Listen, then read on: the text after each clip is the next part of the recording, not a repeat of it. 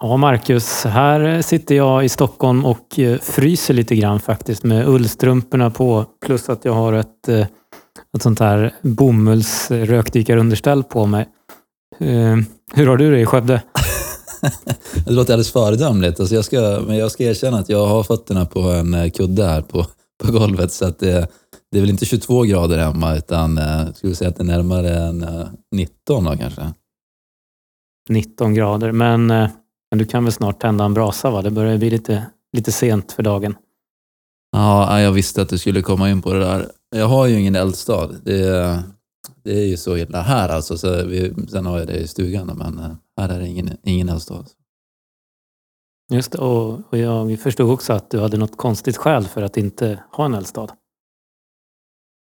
Uh, ja, jag tänkte jag ska inte hänvisa till brand, brandrisken här då, utan uh, Nej, jag, vi byggde ju nytt faktiskt och eh, tänkte ha en eldstad, men eh, slutade med att vi valde bort det för att de här husen, nybyggda husen är så pass täta och energieffektiva så att eh, i normalfallet så är det faktiskt svårt att, att elda utan att det blir för varmt i bostaden. Då. Och det här var ju då ett, ett gäng år sedan, då, men just nu så skulle det inte vara så dumt.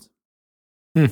Jag, har, jag har faktiskt aldrig hört att det det kan vara för tätt. Men, men ja, det låter ju rimligt förstås. Mm. Mm.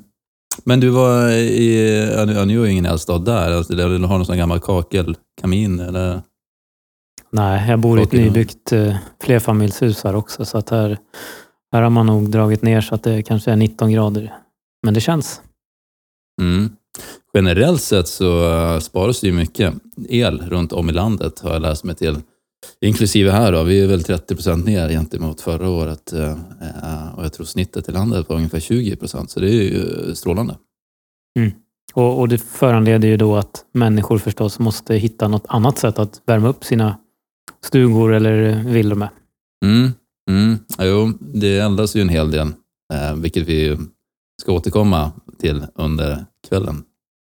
Precis, vi har utlovat ett, ett litet tema på dagens avsnitt. Mm. Det blir soteld som vi ska prata om idag. Men eh, innan vi går in på det så eh, har vi ju vårt älskade moment, ris och ros. Inte att förglömma. Ris har du någonting att bjuda på Johan? Ja, men jag, eh, jag vet inte om jag alltid står för riset, men, men jag tänkte ta ris idag. Varsågod. Vi, vi, vi hade ju, eller vi säger jag, jag var i alla fall med på RRBs årsstämma. Just alltså det. Föreningen som, som, som den här podden är sprungen ur kan man ju säga. Mm. Eh, har ju normalt sett en, en konferens varje år, men i år så var det tyvärr ingen, utan det här var enbart digitalt. Mm. Och deltagarantalet var ju fruktansvärt lågt. Jag tror att det kanske rörde sig om en 10-15 personer, men flera av dem företrädde samma organisation. Så det, det, det, var, jag tyckte det var dåligt. Aj då. Eh, ja, och jag tolkar det där som en dubb, ett dubbelt ris. Jag tänker att är ett ris att det inte var en eh, konferens och eh, ris för att det var dåligt, dålig uppslutning på stämman.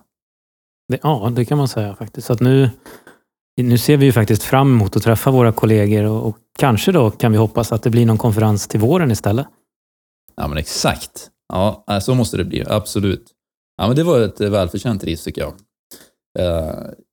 Jag har ett ros att bjuda på. Ja, låt höra. Ja, och den är, den är nobelt nog till dig och mig, Johan. Oh, man tackar. ja, ja, ja. ja, men jag tänker efter det där långa uppehållet under hösten så är vi igång nu igen. Taggade till tusen och det verkar bli ett julavsnitt här som utlovat. Så att, eh, det tycker jag är värt en ros. Jag håller med. En stor applåd, eller vi kanske kan få en fanfar till den här timmen. Ja, ja mycket bra. Härligt. Ja, men bra. Med det avklarat då eh, och med frusna fingrar och fötter, ska vi ta oss ge oss på dagens ämne? Det tycker jag absolut. Då kör vi. Vi kör.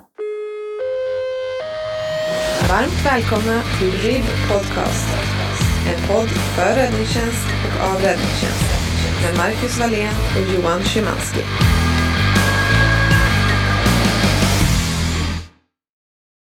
Johan, du ska få några ortsnamn här av mig, så ska vi se om du hittar den gemensamma nämnaren. Mm -hmm. Låt höra. Är du med? Jajamän. Jajamän. Då är det Nordmaling, Vintrosa, Piteå, Hallstahammar, Hallstavik, Hudiksvall, Sala, Svenljunga, Skogstorp, Borlänge, Vingåker, Skellefteå, Trosa, Kristianstad. Oj. Först trodde jag kanske att det var någon ort där du hade bott eller ja, gamla flammor på något vis. Men nej, det, det var inte så lätt. Vad, vad är det för sammankoppling mellan de där? Ja, då ligger det till så här. Det var, det var ju en eh, god tanke där, men eh, det är eh, soteldar senaste veckan. Eh, ett urval. Ehm, Mm. Det är ju så att det brinner en hel del kopplat till eldstäder runt om i landet nu. Och eh, när jag tittade på den övergripande statistiken så har vi tidigare år legat på knappt 800 eldstadsrelaterade bränder per år. Och jag misstänker att det, siffrorna är lite högre just nu. Mm. Intressant. Eh, jag tänker också att vintern har ju precis börjat. Och den kallaste perioden har ju normalt sett i alla fall inte varit. Så att vi, vi borde dessutom gå då mot en period där det blir än värre, om man får uttrycka sig så. Ja, men det kan tänka så. Vi har varit inne på det tidigare i podden också, att nu med eh, elkrisen eh, så nyttjas ju fler eldstäder, eh, fler eldstäder mer, kanske man kan sammanfatta det med. Så att de här 800 bränderna per, per år, eh, vilket då förvisso är, såklart är väldigt säsongsbaserat, så det är ju säkert en 5-10 per dag eller någonting liknande. Mm. Ehm, ja, det kan hända att det, att det blir ännu mer framöver. Och det är väl förmodligen så också att även om många nyttjar dem som de har gjort tidigare år så kanske man nyttjar dem för att få värme nu som man inte har gjort tidigare. Så man, man eldar hårdare och kanske längre och betydligt oftare. Mm, precis. Och kanske dessutom med sämre kvalitet på, på bränslet. Att man har fuktig ved eller att man Mm. till och med eldar, eldar annat. Så att, eh, ja. Jag läste någonstans att, att veden är det nya guldet, men jag vet inte. Jag har ingen erfarenhet riktigt av vad, vad en kubik ved kostar. Har du koll? Ja, men, eh, ja, men jag har ju handlat lite ved genom åren och jag tror att eh, tidigare år har den legat kanske på jag skulle säga 600-700 kronor per kubik tippat. Mhm. Alltså, mm, ja, till skillnad från staplat och då blir det ju lite mer. Men eh, det är nog uppe, jag tror jag, har sett priser på 1500, sen kan det säkert vara mer. Eh, Mm. I vissa, vissa områden i landet går det inte att få tag i alls. Eh, Så att, eh, det är ju de som kuskar eh, land och rike runt med släpkärror och lastbilar och hämtar upp ved. Det var inte direkt någon som förutsåg den här eh, situationen vi är i nu, så att eh, vedlagren har varit lite tunna. Ja, verkligen. Men, men du, soteld. Alltså jag, jag måste säga, jag har haft ganska mycket att göra med, med sotningsverksamheten under den tid som, ja, som jag har varit aktivt brandbefäl, men i synnerhet när jag var, var brandchef. Och, och sotning och brandskydd har alltid varit något som Ja, det, har, det varit lite problematiskt. Alltså svårt att hantera och svårt att ha riktigt koll över sådär. Så det här är ju en fråga som, som inte är helt enkel att, att reda ut egentligen. Nej, jag, jag håller med dig och eh, jag tänker att vi ska ta hjälp i frågan. Vi får nog göra det. Vet du någon lämplig person vi kan kontakta? Mm, jag har en på, på lut. Vi, eh, vi provar. Kör. Räddningstjänsten Norrtälje. Det är Linda. Hej Linda! Johan och Marcus här på RIB Podcast. Hej! Hur är läget? Jo, men det är bra. Härligt. Du, vi, vi snackar lite om soteld och eldstadsrelaterade bränder och har fått nys om att det är ett eh, ämne som du är lite extra duktig på. Ja, det skulle man väl kunna säga. Lite expertisområde kan, man nog säga. Berätta, vem är du och, varför har vi ringt till dig?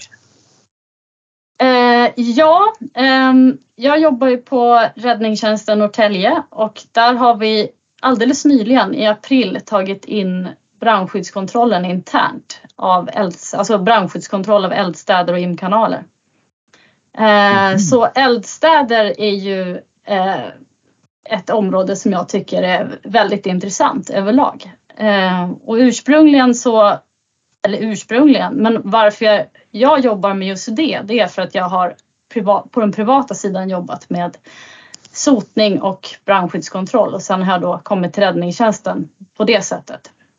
Jag förstår. Nu, nu Marcus var det ju väldigt mycket olika ord här. Sotning, brandskyddskontroll och man har tagit över i egen regi. Kan du, kan du börja med att förklara lite då? Vad är det här som ni har tagit över i egen regi och vad är det som är bra med det? Liksom?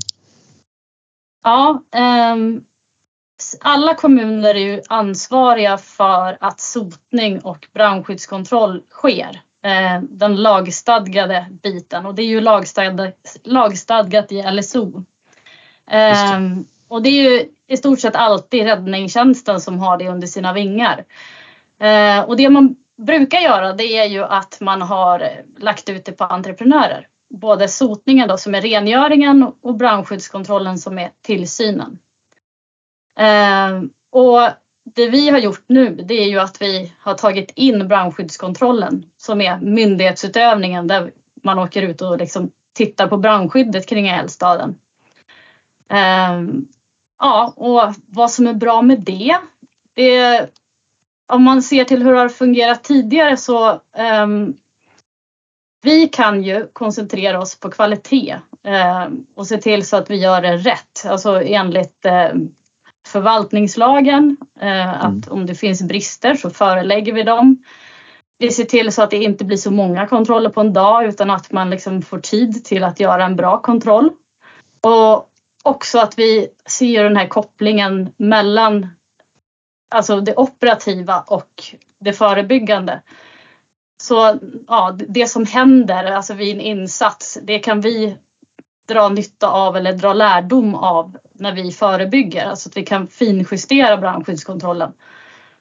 Och det har man ju inte riktigt kunnat göra när den ligger ute, alltså på entreprenör, för att det är svårt liksom att styra entreprenören vad de ska pyssla med. Just. Jag tycker det låter alldeles strålande. Eh, men om man ska sammanfatta det du sa där, om jag, om jag försöker med mina egna ord, så är det ju alltså kommunen som är ansvarig för att det här utförs. Och eh, ofta så är det då räddningstjänsten som ser till att det blir av antingen då i egen regi som du beskriver att Norrtälje gör nu eller så ute på entreprenad då, eh, via mm. en, en, en upphandling. Eh, mm. Så då får man ju i, i den kommunen man bor får man helt enkelt söka fram information kring vem det är man ska vända sig till och, och vilka regler som gäller. Blev det rätt? Ex, exakt. I vår kommun så har ju vi bara brandskyddskontrollen internt på räddningstjänsten. Sotningen ligger fortfarande ute på entreprenad. Men det måste väl vara ett ganska bra sätt för då är det ju så att uh, skulle man ha även sotningen själv så är väl risken att man kontrollerar sitt eget arbete. Eller hur, hur blir det med sånt? Lite så är det ju. Vi, vi får ju bort en hel del jävsituationer i och med mm. att, liksom, att det är två personer som, som kommer och inte en och samma person som det ofta kan vara annars. Ehm, och också att eh, det blir tydligt på vad som är vad helt enkelt. Härligt. Och hur ofta måste man sota sin skorsten då? Ja, det är ju lite beroende på vad, dels vad du har för en eldstad, eh, vilken typ av eldstad du har och sen så är det beroende på hur mycket du eldar. Men ett vanligt exempel, det som många har, det är ju en braskamin och eldar man eh, normalmycket i en sån så kan man säga en tumregel är över en kubik. Eh, då ska man sota varje år och brandskyddskontroll vart tredje år. Och om man eldar väldigt lite då, då kan man få en förlängd frist och den fristen är vart tredje år sotning och vart sjätte år brandskyddskontroll. Sen finns det ju massor med andra frister beroende på vad du har för eldstad. Så har man värmepanna så kan man ha sotning flera gånger per år. Just det. Och när vi ändå är inne på de här eh, intervallen och vad som är måsten. Eh, det här med imkanal då, det dyker ju upp från tid till annan att man måste rengöra sin imkanal. Är det någonting som det finns någon form av lagstadga? Mm. Tidigare, alltså innan 2004 var det, eh, så var det lagstadgat att både privatpersoner och restauranger skulle ha rengöring av imkanal. Eh, men 2004 så togs alltså lagkravet bort för privatpersoner. Så nu är det bara restauranger och storkök som har lagkrav på sig att rengöras. Och brandskyddskontrolleras också. Just det, så om man får en påringning av någon som vill eh, rengöra imkanalen i ens villa då kanske man ska fundera en gång eller två innan man nappar på det. Då. Det kan man, eh, det, det, tycker jag man ska göra. Men eh, är man sugen på att, liksom, att någon ska komma och titta på imkanalen eller rengöra den, då är inte det, det är inte helt fel så. Men man kan ju kolla lite på vad det är för typ av företag som har ringt. Mm. Bra, ja, men då har vi grunderna där. Jag, jag tänkte på eh, det här med sotare då och Eh, eh, nu ska vi se om jag säger rätt. Skorstensfejartekniker, eh, heter det så? Eh, vad, vad det var där? Mm.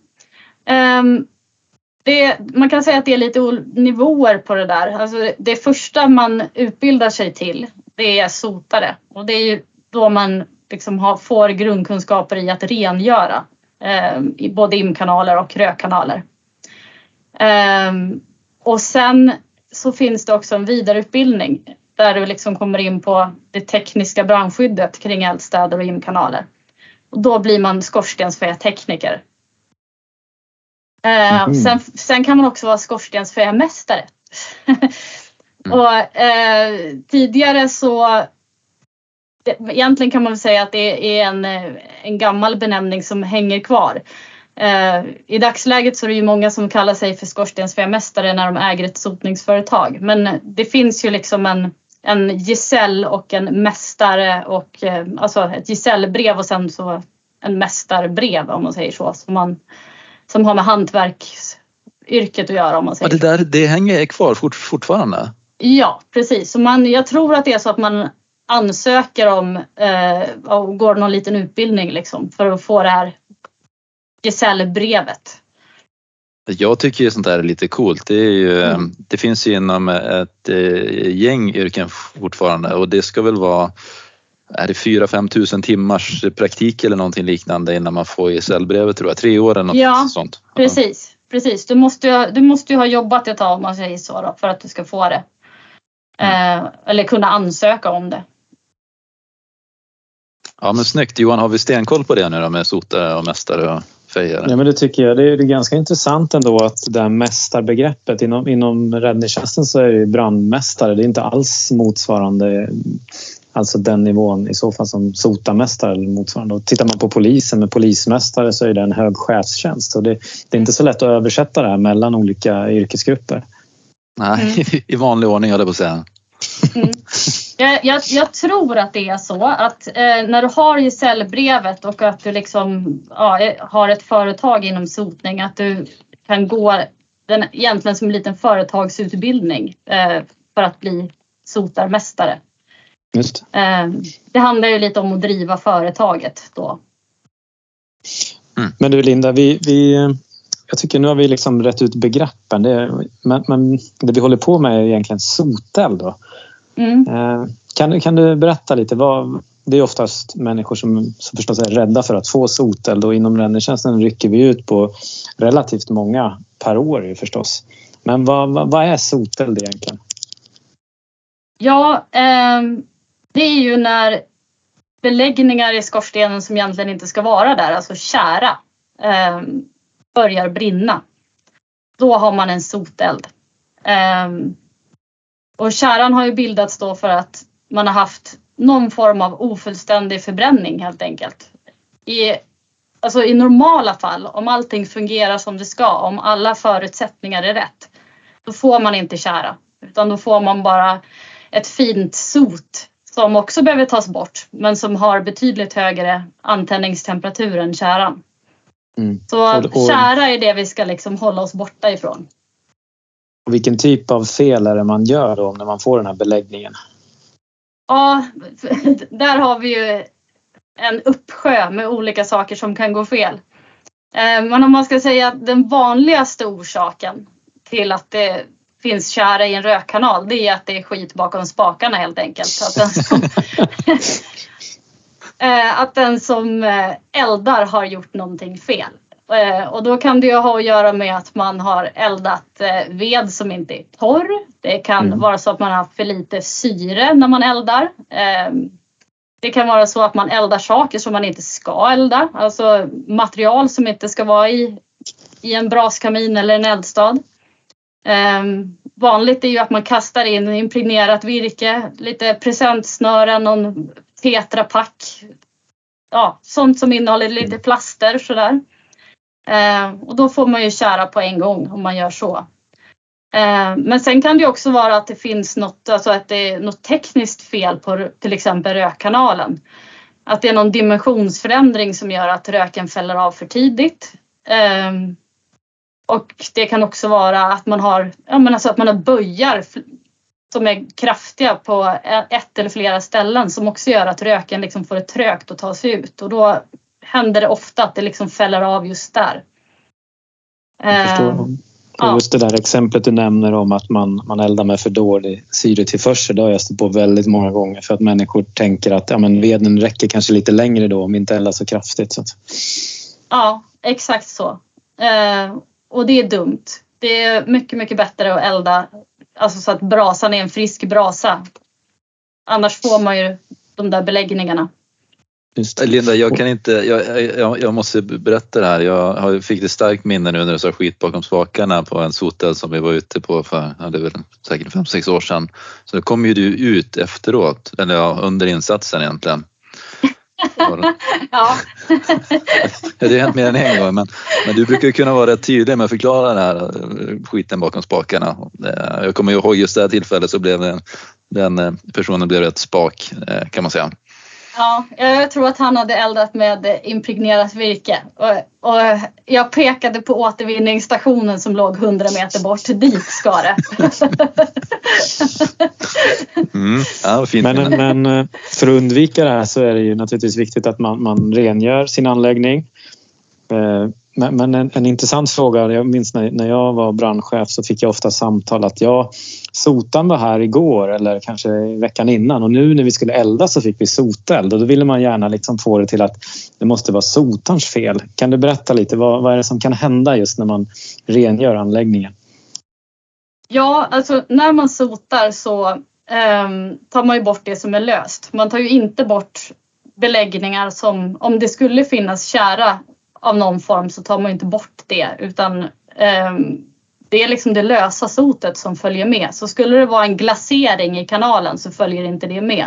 Och det som händer när man sotar det är ju också att man liksom luckrar ju upp en del så att det faktiskt gör så att det kan bli, om det finns liksom kärrester kvar så har ju de lättare att antända då för att de är lite uppluckrade.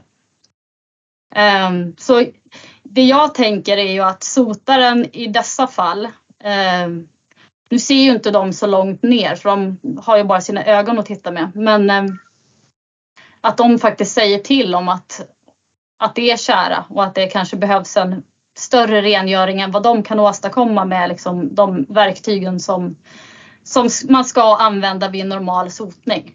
Mm. Ja, men jättebra, jättebra. Vad ska man göra då om man känner sig osäker kring de här faktorerna? För det är ganska mycket som du tar upp här som, som, eh, som kan gå snett. Eh, är, kan man på något sätt se om man gör rätt när man eldar? Eh, mm. Eller kan man se när man gör fel? Ja, alltså det, det man kan titta på är ju dels liksom elden i sig. Den ska ju liksom, den ska inte pyra utan det ska vara en frisk eld med klara lågor. Mm. Och du ska inte, alltså den får inte vara för häftig heller utan den ska vara ja, en lugn frisk brasa helt enkelt. Eh, och man kan tänka på att man inte liksom puttar in för mycket ved åt gången, att man håller det ganska, ja, till ganska lite. En, sådär 2 till 3 kilo ved per timme, en bra tumregel att ha.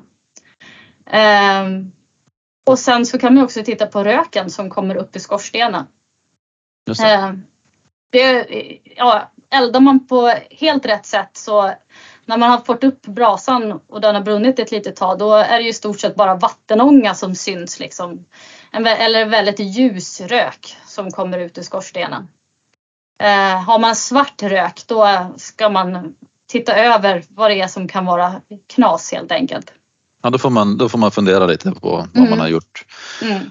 Eh, och, och sotelden då, hur, hur, upptäcker man det då? Vad, vad finns det för, eh, vad är de första indikationerna på att nu håller det på att hända någonting?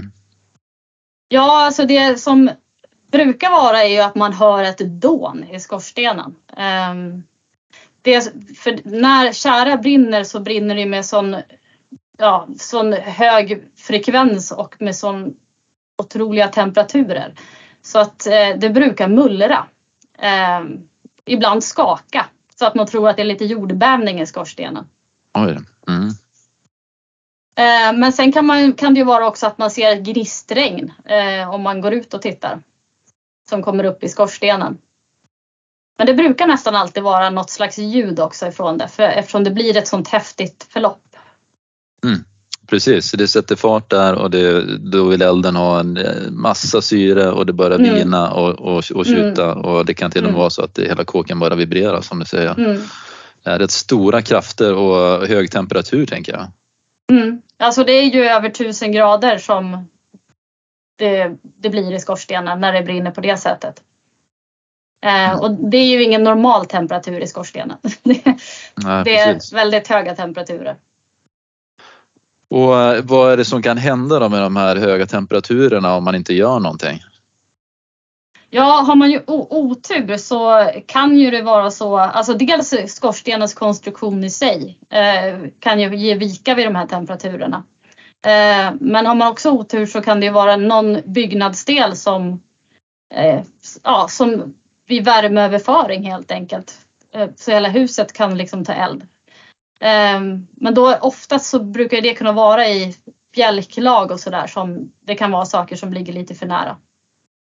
Mm. Ehm, det är därför vi när vi gör brandskyddskontroller alltid är på om att det kanske måste sågas upp lite till någonstans för att det ska bli mer avstånd och så. Och det, för det har ju inte med liksom den normala driften att göra utan det är ju utifall att det är en soteld så ska det klara det också.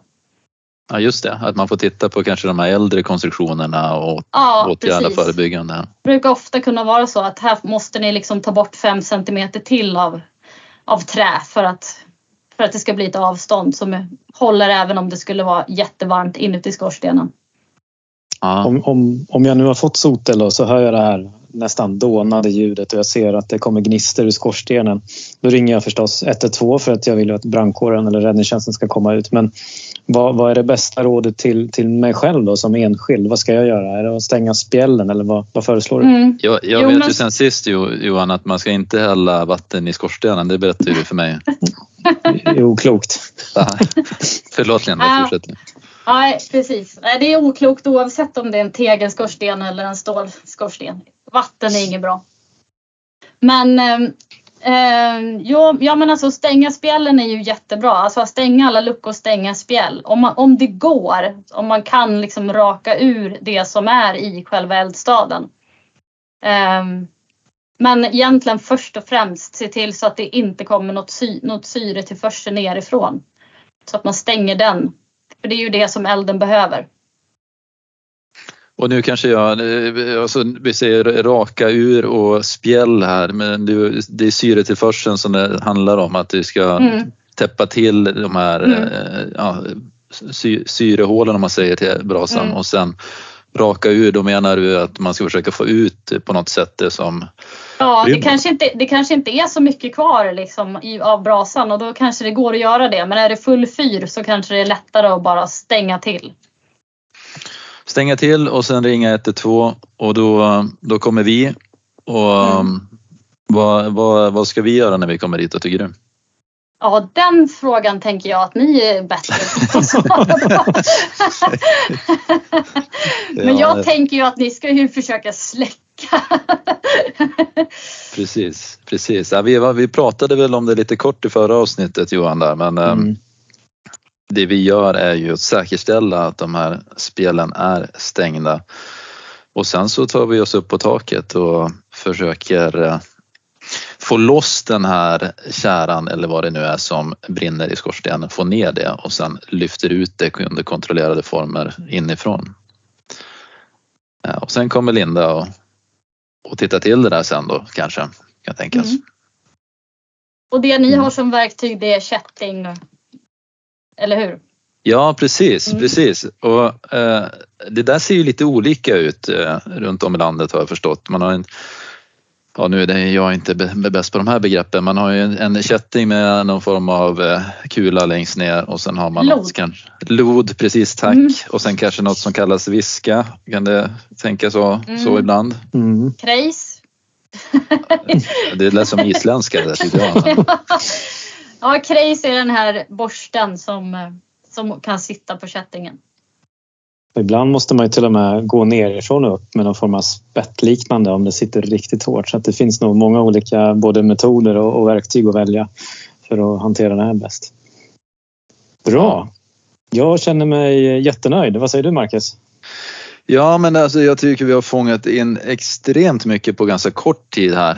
Eh, jag skulle bara vilja veta vad som händer efteråt här när, när brandbilarna har rullat därifrån och fastighetsägaren står själv och funderar på vad, vad, vad ska jag göra nu? Och kan jag elda nu eller måste jag hålla koll på det här? Vad, vad är tipset där från coachen? Mm. Alltså, jag vet inte riktigt hur det fungerar generellt i landet men om jag ser till hur det fungerar hos oss eh, så har ju insatsledaren befogenheten, alltså delegationen egentligen då, att utfärda nyttjandeförbud och ett beslut om brandskyddskontroll i särskilda fall. Eh, så det görs ju på plats eh, och sen så kommer ju vi på brandskyddskontrollen ut så fort som möjligt. Mm. Eh, och är det så att man inte har brandskyddskontrollen internt så ja, tas ju kontakten då med, med den entreprenören som har brandskyddskontrollen som får utföra den. Eh, allt som oftast så är det ju bra om ett nyttjandeförbud sätts på plats för att man faktiskt inte vet om saker har skadats. Ja, precis.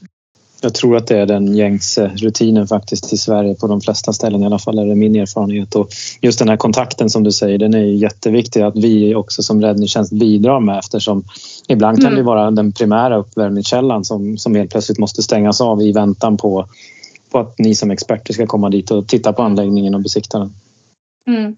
Ja men alltså är det så att man har en entreprenör, det allra bästa är ju att eh, den entreprenören ringer upp fastighetsägaren och ja, bestämmer en tid och inte tvärtom utan att liksom den kontakten tas så att det blir så fort som möjligt. Strålande! Jag tycker det här eh, har täckt in alla de frågorna jag hade. Så får vi se om vi kommer på något sen Johan, då får vi väl återkomma. Eh, Linda, innan vi avslutar, är det någonting ytterligare som du vill skjuta in till lyssnarna? Ja, vad skulle det kunna vara? Ja, det är elda lugnt ja, och fint. Ja, precis. Nej, men alltså det man skulle kunna säga om, ehm, om um, käran. Uh, hur, alltså skillnaden på den och sot, alltså bara hur det ser ut. Eh. För kära kan ha lite olika former. Eh, dels så kan det ju vara som en, ja det ser ut som en mörkbrun glasering på insidan liksom av kanalen. Eh, som är blank och hård. Eh, det är en typ av kära. Men sen kan det också vara som porösa ansamlingar som eh, ja, när man tar i det så bara frasar det sönder. Mm. Eh, och det, den kan ju vara väldigt, alltså att den nästan täpper till en rökkanal helt och hållet. Att den har byggt på så att det ja, blir stopp helt enkelt. Ja, man, man hör ju att det, det finns fog för en lång utbildning och, och de här gesälltimmarna innan man har lärt sig allt det där. Men eh, ja. om man är osäker då får man ringa sin sotare helt enkelt för de kommer ut och titta på det. Ja precis, men vanligt sot det ska man i stort sett bara kunna liksom, nästan blåsa på så försvinner det. Så när man börjar se att det ansamlas på ett annat sätt då är det förmodligen kära. Strålande. Johan, något att tillägga? Nej, jag tänkte jag ska fråga dig vad den där kulan heter nästa gång vi har någon sotel bara, så om du kommer ihåg det nu. Ja, ja jag ska få skriva en fusklapp. Ja, men stort tack Linda för att vi fick ringa upp dig och eh, förhöra oss om vad som gäller här med, med både utbildning och eh, eldstäder och sotel med mera. Det har varit eh, alldeles strålande. Stort tack! Tack så mycket! Tack själva! RIB Podcast, en podd för räddningstjänst och av räddningstjänst. Ja, Marcus, det där var inte dåligt med information på, på kort tid, va? Nej, men det känns som att vi fick en genomgång av det mesta och jag får ju uppenbarligen eh, plugga in mina, mina sotningsglosor här framöver. Just det, det var kulor och klot och, och visker och sånt där. Det hette inte riktigt som vi trodde. Nej. Nej. Ja, men man, man, man är ju aldrig fullärd så att det är fördelen med det här yrket. Du, på tal om, på tal om glosor förresten. Vet du vad knop, knoparmoja är för någonting? Nej, det måste ju ha något med segling att göra, eller? ja, ja, det kunde man tro, men det glömde vi att fråga om faktiskt. Det var ju sotarnas språk förr i tiden. Eh, så frågan är om det fortfarande förekommer. Jag vet att det i alla fall finns två ord därifrån som, som vi använder i, i dagligt tal. Så där. Och det ena är brallor, som ett annat ord för byxor. Och sen dojor, alltså skor. Det känner du till? Ja, ja alltså de, de, de orden känner jag ju till, men jag hade ingen aning om att det var... Har brallor med sotare? Ja, det, det här måste vi ta med Linda vid något annat tillfälle. Då, men, ja, eller kan du historiken ja, ja. bakom? Nej, tyvärr. Jag vet inte. Jag vet bara att, att sotarna hade ett eget språk när de sprang runt på taken där. Nej, intressant. Ja, du ser. Det, det verkar vara ett väldigt brett och djupt ämne det här med sotning, soteld och, och eh, relaterade frågor. Eh, men eh, jag tror vi, vi lämnar det för, för kvällen i alla fall. Ja, men jag tänkte en sak bara. När vi, när vi inledde så pratade vi om att det hade varit ganska många soteldar senaste tiden. Du läste ju mm. upp ett antal mm. orter som, som hade haft den typen av larm. Och jag tänkte att vi skulle uppmana våra lyssnare att, att faktiskt gå in på vår Facebook-sida och skriva när de har något larm nu över jul och nyår som är kopplat ja. till, till eh, sotel eller till, till eldstäder. Ja, men strålande idé. Det kan man ju bli riktigt roligt att följa. Uh, så man, man går in och skriver, om man har varit på en soteld, då går man in och skriver och rapporterar lite kortfattat om, om den på Facebook-sidan. Ja, men precis. Och gärna vilken räddningstjänst eller ort man, man kommer ifrån också, så att vi får lite spridning över, över riket. Ja, men det blir ju kanonbra. Kul. Då får vi se också var, var vi, våra lyssnare dyker upp ifrån och vad, vad som händer runt om i landet. Mycket bra idé Johan. Snyggt. Men du, det kanske är dags att eh, inte uppta våra lyssnares tid mer, för jag antar att alla ska slå in paket och, och, och klä granen och sådär. Vad ska du själv göra över jul? Ja, men jag åker upp till Norrland, så det ska bli skönt att få ett, ett ordentligt snödjup och kyla ser jag fram emot. Så um, det blir, det blir riktigt fint. Du då? Ja, jag får faktiskt förmånen att vakta huvudstaden både julafton och nyårsafton. Så att, eh, ja, vi får se vad som händer. Ja, ja men det, det är strålande. Eh, du föregår med gott exempel där. Mycket bra Johan. Ja, men du, då, då gör vi så. Då, då hoppas vi att eh, våra lyssnare har glögg i glasen och lussekatter och paketpapper så att det räcker till, till alla paket. Och att personsökaren är påslagen i byxfickan också. I brallan. I brallan, just det. Att dojorna står redo. Exakt. Ja, det är fint. God jul och gott nytt år till dig Johan och till lyssnarna. Detsamma. Ha det så fint. Du har lyssnat på RIB Podcast. En podd för räddningstjänst och av räddningstjänst. Med Marcus Wallén och Johan Szymanski. Producerad av Timmy Selin, grafik Adam Dahlstedt.